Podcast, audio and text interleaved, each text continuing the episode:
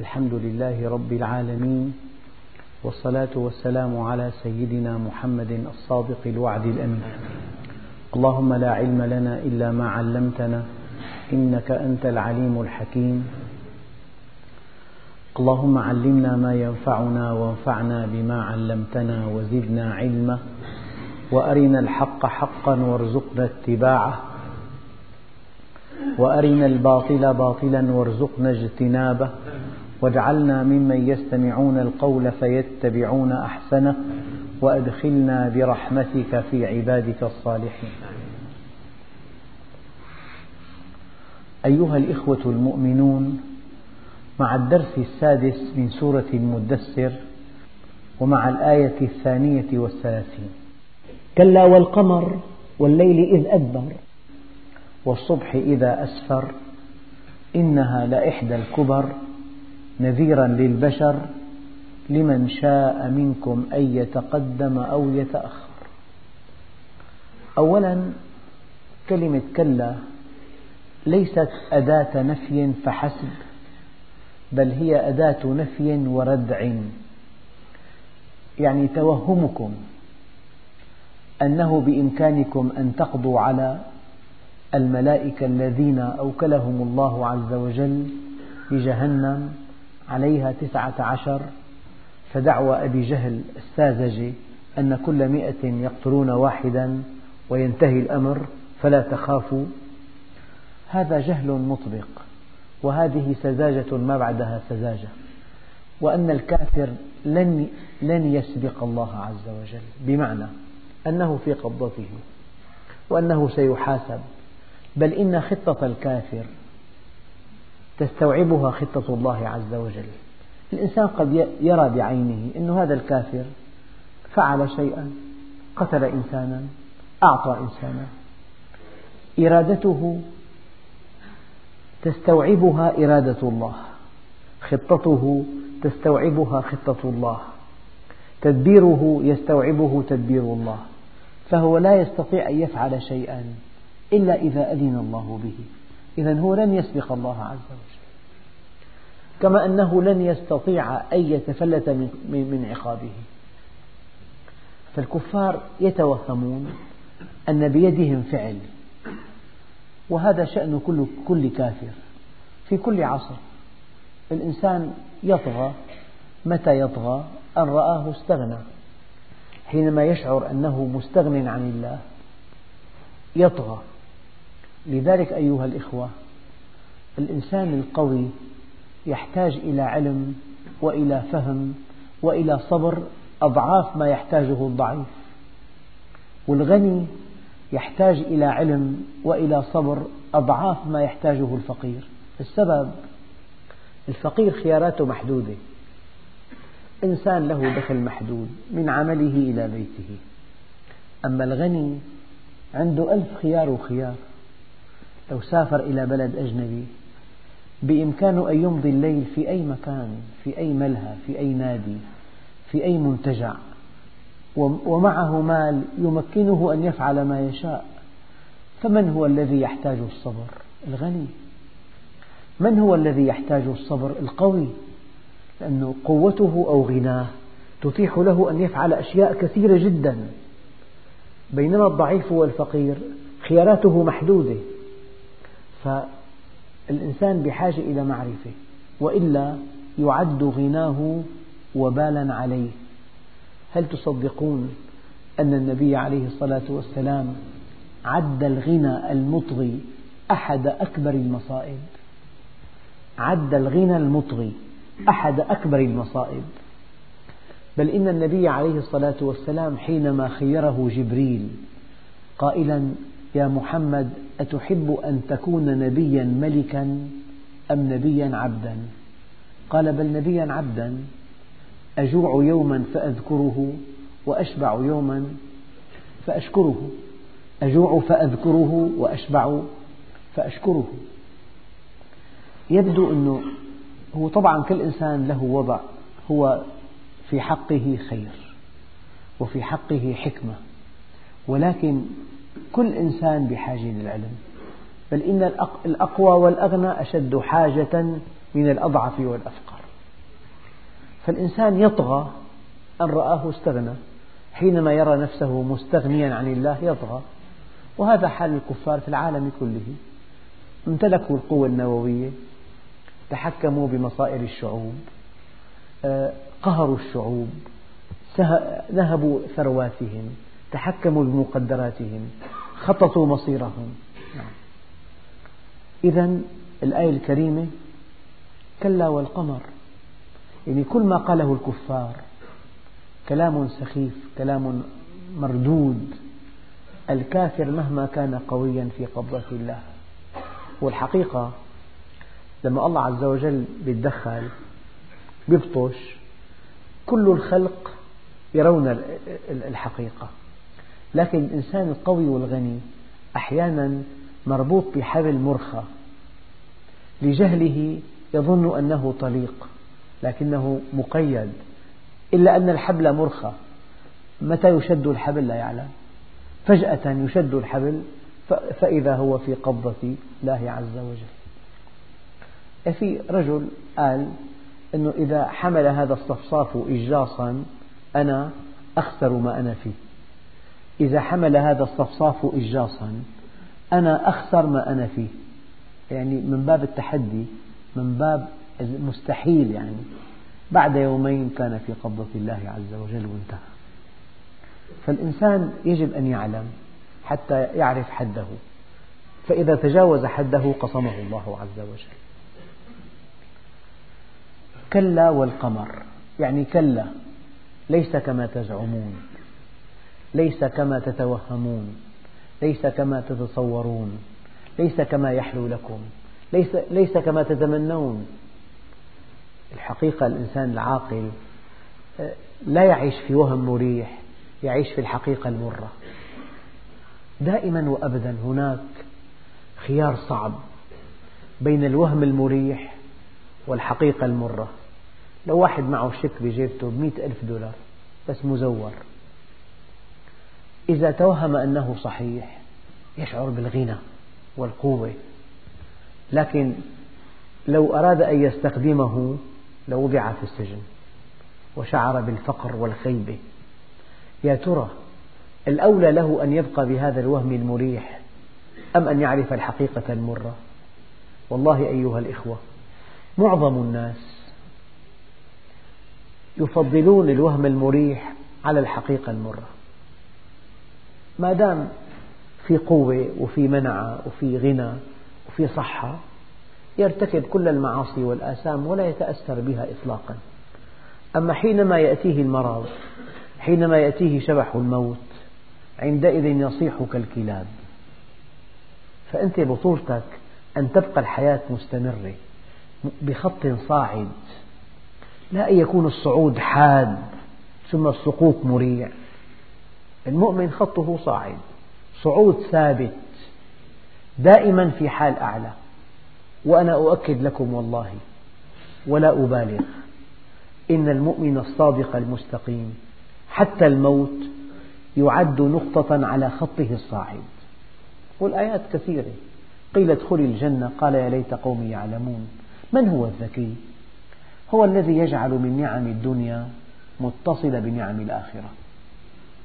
في الدنيا في في عز في في سلطان في غنى في طمأنينة في راحة في سعادة. جاء الموت في سعادة ما بعدها سعادة.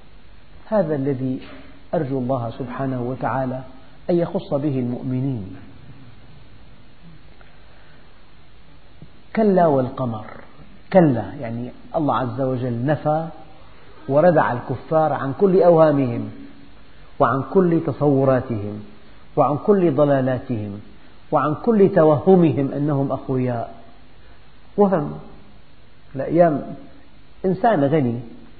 قال كلمة والله أنا أحسبه مؤمنا وهو مؤمن بإذن الله. بس الله أدبه. قال مرة كلمة في سهرة قال المال بحل كل مشكلة وجاء بحكمة ليست بحكمة هي. الدراهم مراهم. يعني دخل غرفة ضيقة جلس فيها تسعة وستين يوما.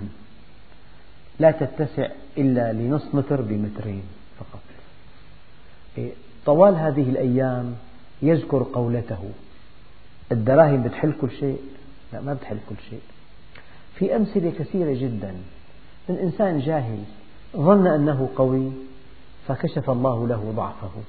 ظن أنه غني كشف الله له فقره. كلا فالعبرة لا أن تتوهم شيئا مريح. العبرة أن تعرف الحقيقة. حتى بالعلاقات الاجتماعية الإنسان بيحاول يهرب من الواقع المر. لا هي ما صحيحة. بكذب النبأ أحيانا.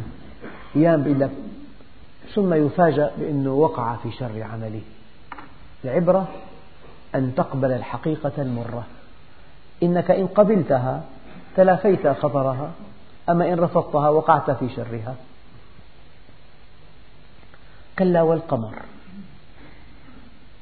القمر من آيات الله الدالة على عظمته. كلكم يعلم أن الله جعل القمر تقويم. الأرض هكذا والقمر حولها يدور. إلا أن الشيء الذي يلفت النظر هو أن الأرض تدور حول نفسها والقمر يدور حول الأرض. لو أن سرعة دورة الأرض حول لو أن سرعة دورة القمر حول الأرض مكافئة لدورة الأرض حول نفسها التغى القمر. بقي مع الأرض في مكان واحد هكذا. في مكان بدر في مكان محاط إلى أبد الآبدين. إلا أن هناك تفاضل بين سرعة دورة القمر حول الأرض ودورة الأرض حول نفسها. هذا التفاضل بالسرعتين هو الذي يعطي القمر وظيفة التقويم. فبيكون هلال ثم أعلى من هلال ثم بدر ثم يتراجع. تسلسل رؤيته من هلال إلى بدر إلى هلال. السبب أن سرعته حول الأرض أقل من سرعة الأرض حول نفسها. هذا التفاضل في السرعة يسبب أن يكون القمر تقويما لتعلموا عدد السنين والحساب. بالمناسبة السنة القمرية حكمية أما أصلها الشهر القمري. أما الشهر الشمسي حكمي أصله السنة الشمسية. السنة الشمسية هي تمام دورة الأرض حول الشمس. الدورة مقسمة إلى أبراج.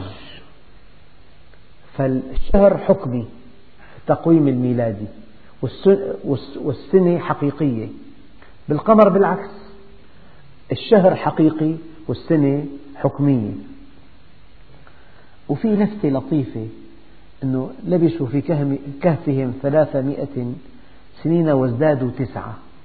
هذا هو الفرق بين 300 سنة قمرية تساوي 309 ميلادية بالضبط. يعني الآية هي أشارت إلى التقويم القمري والتقويم الشمسي. ففي تقويمين تقويم أساسه آه، حركة الأرض حول الشمس مقسمة إلى 12 مرحلة ودورة الأرض حول حول القمر حول الأرض مضروب ب 12 مرحلة. هذه السنة الشمسية والسنة القمرية. كلا والقمر يعني فكر بها القمر بعده عنا ثانية ضوئية واحدة. ثانية ضوئية واحدة 360 كيلومتر ألف كيلومتر تقريبا. وهي سرعة الأرض وزيادة. القمر. الإنسان إذا كان على سطح القمر وزنه سدس وزنه على الأرض. يعني وزنه 60 كيلو وزنه بالقمر 10 كيلو. من أجل أن تعلم أنه كيف علاقة الوزن بحجم الكوكب.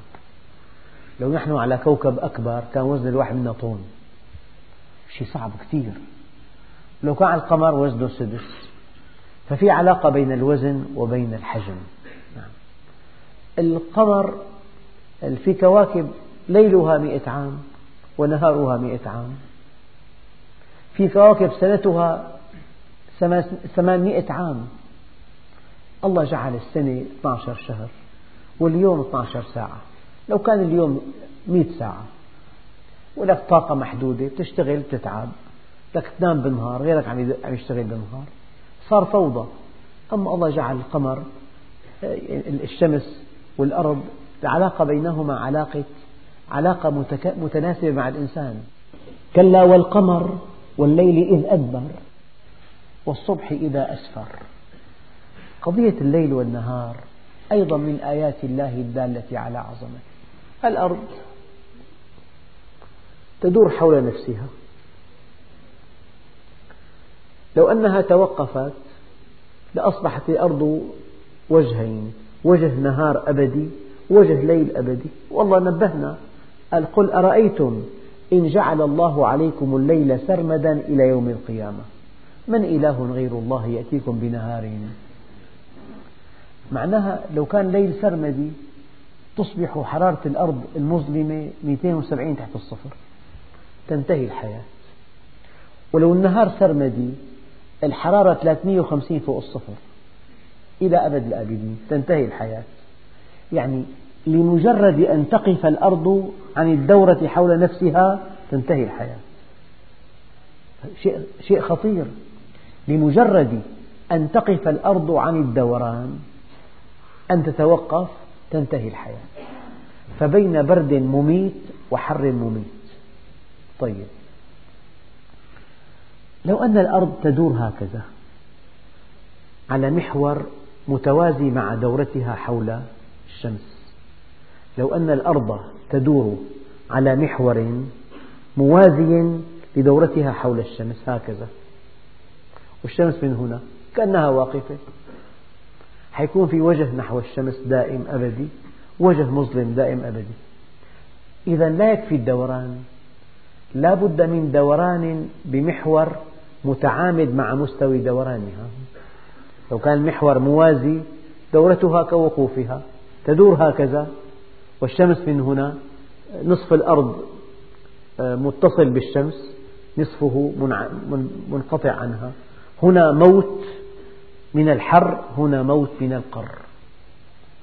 الآن لو دارت الأرض هكذا بمحور عمودي على مستوى دوران الأرض ما الذي يحصل؟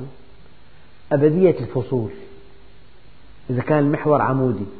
الشمس من هنا أشعتها هنا عمودية هنا مائلة. ففي خط الاستواء صيف إلى أبد الآبدين.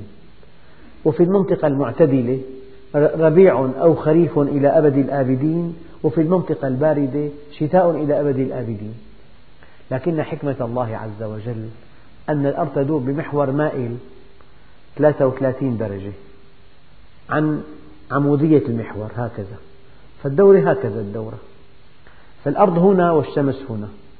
الأشعة عمودية على القسم الجنوبي والأشعة مائلة على القسم الشمالي.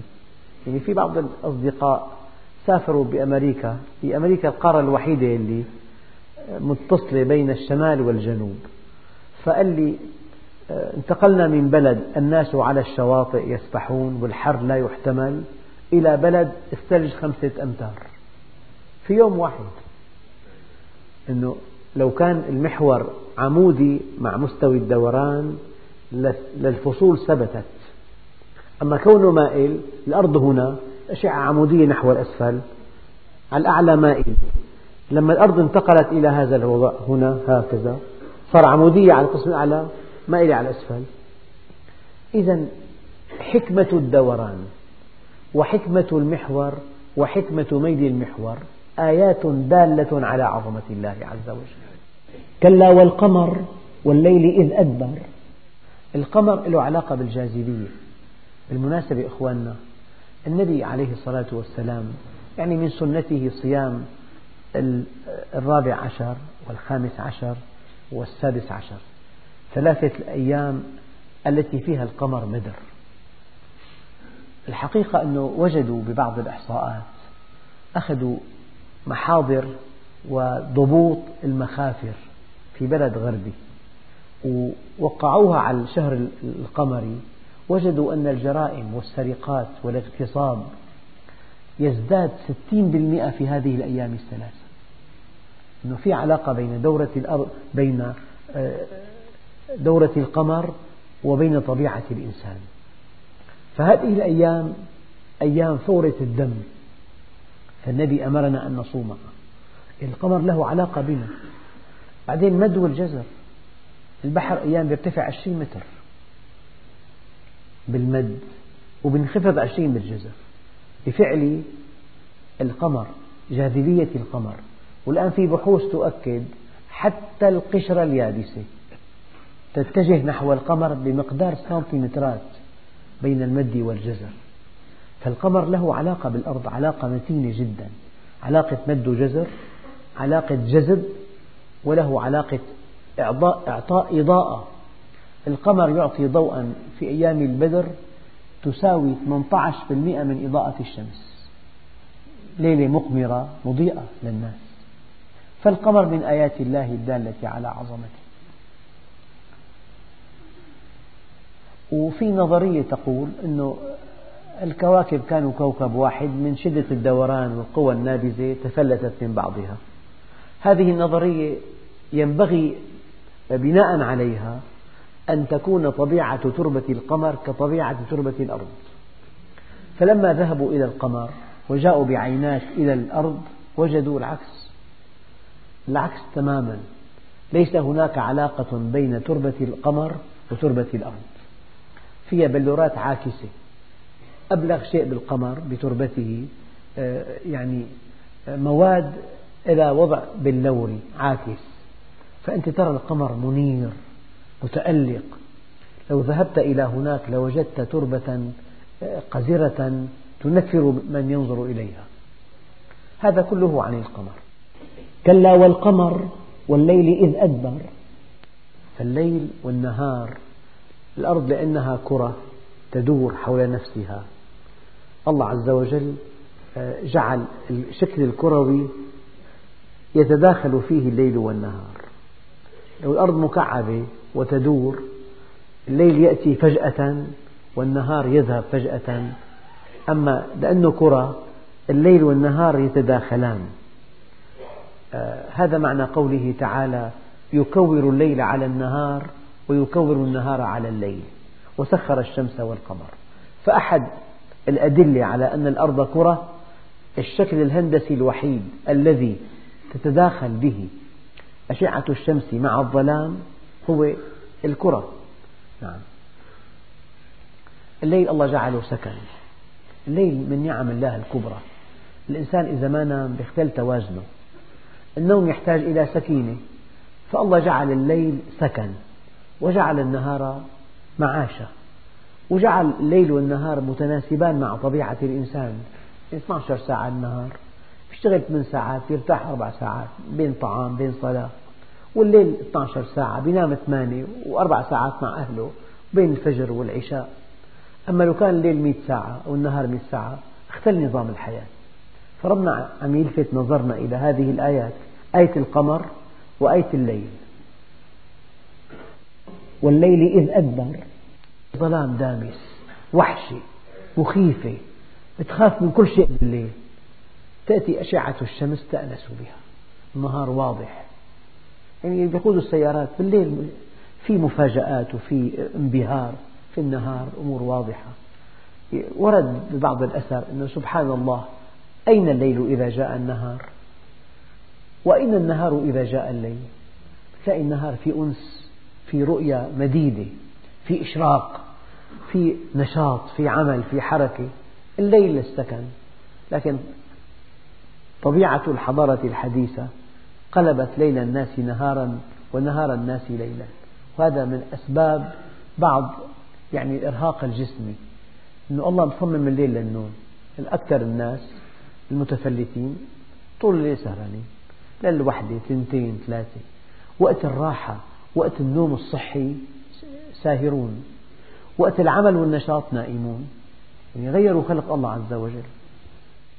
كلا والقمر والليل إذ أدبر. والصبح إذا أسفر. يعني دائما في عنا آيات كبيرة الشمس آية القمر آية الليل آية والنهار آية. من آياته الليل والنهار من آياته الشمس والقمر. فالشمس والقمر آيتان والليل والنهار آيتان. دالتان على عظمة الله عز وجل. بعدين الثبات العجيب. يعني الأرض بعد مئة سنة أو بعد ألف سنة أو بعد مئة ألف سنة يوم 23 أيلول تشرق الشمس الساعة خمسة وثلاثة عشر دقيقة مثلا. ما بتغير. ثبات عجيب. أحيانا يعني أدق ساعة بالأرض الآن بيج بن مشهورة. هذه تضبط على حركة نجم. يعني قد تقدم هذه الساعة ثانية في السنة وقد تؤخر ثانية. دقة هذه الساعة مرتبطة بضبطها على نجم. أيام بيقول لك قطار بين آه، طوكيو وأوساكا يعني لازم ما يتأخر دقيقة عن موعد وصوله. هي بيعدوها رقي ما بعد رقي. إنه ستة آلاف كيلو متر أو ألفين كيلو متر لازم القطار يصل بالدقيقة وقد يتأخر دقيقة. أما النجوم العملاقة في حركتها المديدة الطويلة تصل بمواعيد بواحد بالألف من الثانية لذلك أدق ساعات العالم تضبط على حركة النجوم. ثبات عجيب. الله ثبت أشياء وحرك أشياء. والليل إذ أدبر والصبح إذا أسفر. إنها لإحدى الكبر. العلماء قالوا هذه النار التي أعدها الله للكفار إنها لإحدى الكبر. المشكلة أنه الناس متحركين بالحياة. بس عم يغيب عنهم في شيء اسمه النار. أكثر الناس لا يعبؤون لا يتخذون النار أساس في عقيدتهم. النار محرقة وهذه مصير كل كافر كل عاصي. فإنها لإحدى الكبر يعني النار التي خلقها الله ردعا لعباده من أن يعصوه. وبعضهم قال إنها لإحدى الكبر. تكذيبكم بالنبي عليه الصلاة والسلام شيء كبير يعني حرمتم نفسكم السعادة الكبرى. كلا إنها لإحدى الكبر. نذيرا للبشر. الله جعل النار نذير وجعل هذا الكتاب نذير. وجعل النبي نذير لقوله تعالى آه، يا أيها النبي إنا أرسلناك شاهدا ومبشرا ونذيرا. نذيرا للبشر لمن شاء منكم أن يتقدم أو يتأخر. أنتم أحرار أنتم مخيرون. إما أن تتقدموا إلى طاعة الله أو أن تتأخروا عنها. إما أن تتقدموا للعمل الصالح وإما أن تحجموا عنه. إما أن تتقدم لأداء العبادات وإما أن تحجم عنها. أنت مخير. وقال تعالى اعملوا ما شئتم. إذا هذه الآيات والليل إذ أدبر. أسفر إنها لإحدى الكبر نذيرا للبشر لمن شاء منكم أن يتقدم أو يتأخر. نحن الآن في بحبوحة الحياة. والقلب ينبض. وكل شيء ممكن وأنت حي. التوبة ممكن والصلح ممكن والاستغفار ممكن والإصلاح ممكن والتكفير ممكن. كل شيء ممكن. أما حينما يأتي الأجل انتهى كل شيء. فلمن شاء منكم أن يتقدم أو يتأخر. الله جعل الطاعة تقدم. معرفة الله تقدم. العمل الصالح تقدم. طلب العلم تقدم. الإحجام عن العلم تأخر. فبه الآية هي لازم نقيم كل أمورنا فالتقدم ليس أن نركب الفضاء ولا أن نغوص في أعماق البحار. التقدم أن نطيع الواحد الديان. والتخلف لا أن نكون أمة زراعية ما صناعية لا لا. التخلف أن نعصي الله عز وجل. فهذه الآية هي يجب أن يقيم بها كل شيء. التقدم في طاعة الله التخلف في معصية الله. التقدم في العلم والتخلف في الجهل التقدم في الإحسان والتخلف في الإساءة. وفي درس قادم إن شاء الله تعالى نتابع شرح هذه الآيات كل نفس بما كسبت رهينة إلا أصحاب اليمين في جنات يتساءلون عن المجرمين ما سلككم في سقر؟ قالوا لم نكن من المصلين ولم نكن نطعم المسكين وكنا نخوض مع الخائضين وكنا نكذب بيوم الدين حتى أتانا اليقين فما تنفعهم شفاعة الشافعين والحمد لله رب العالمين.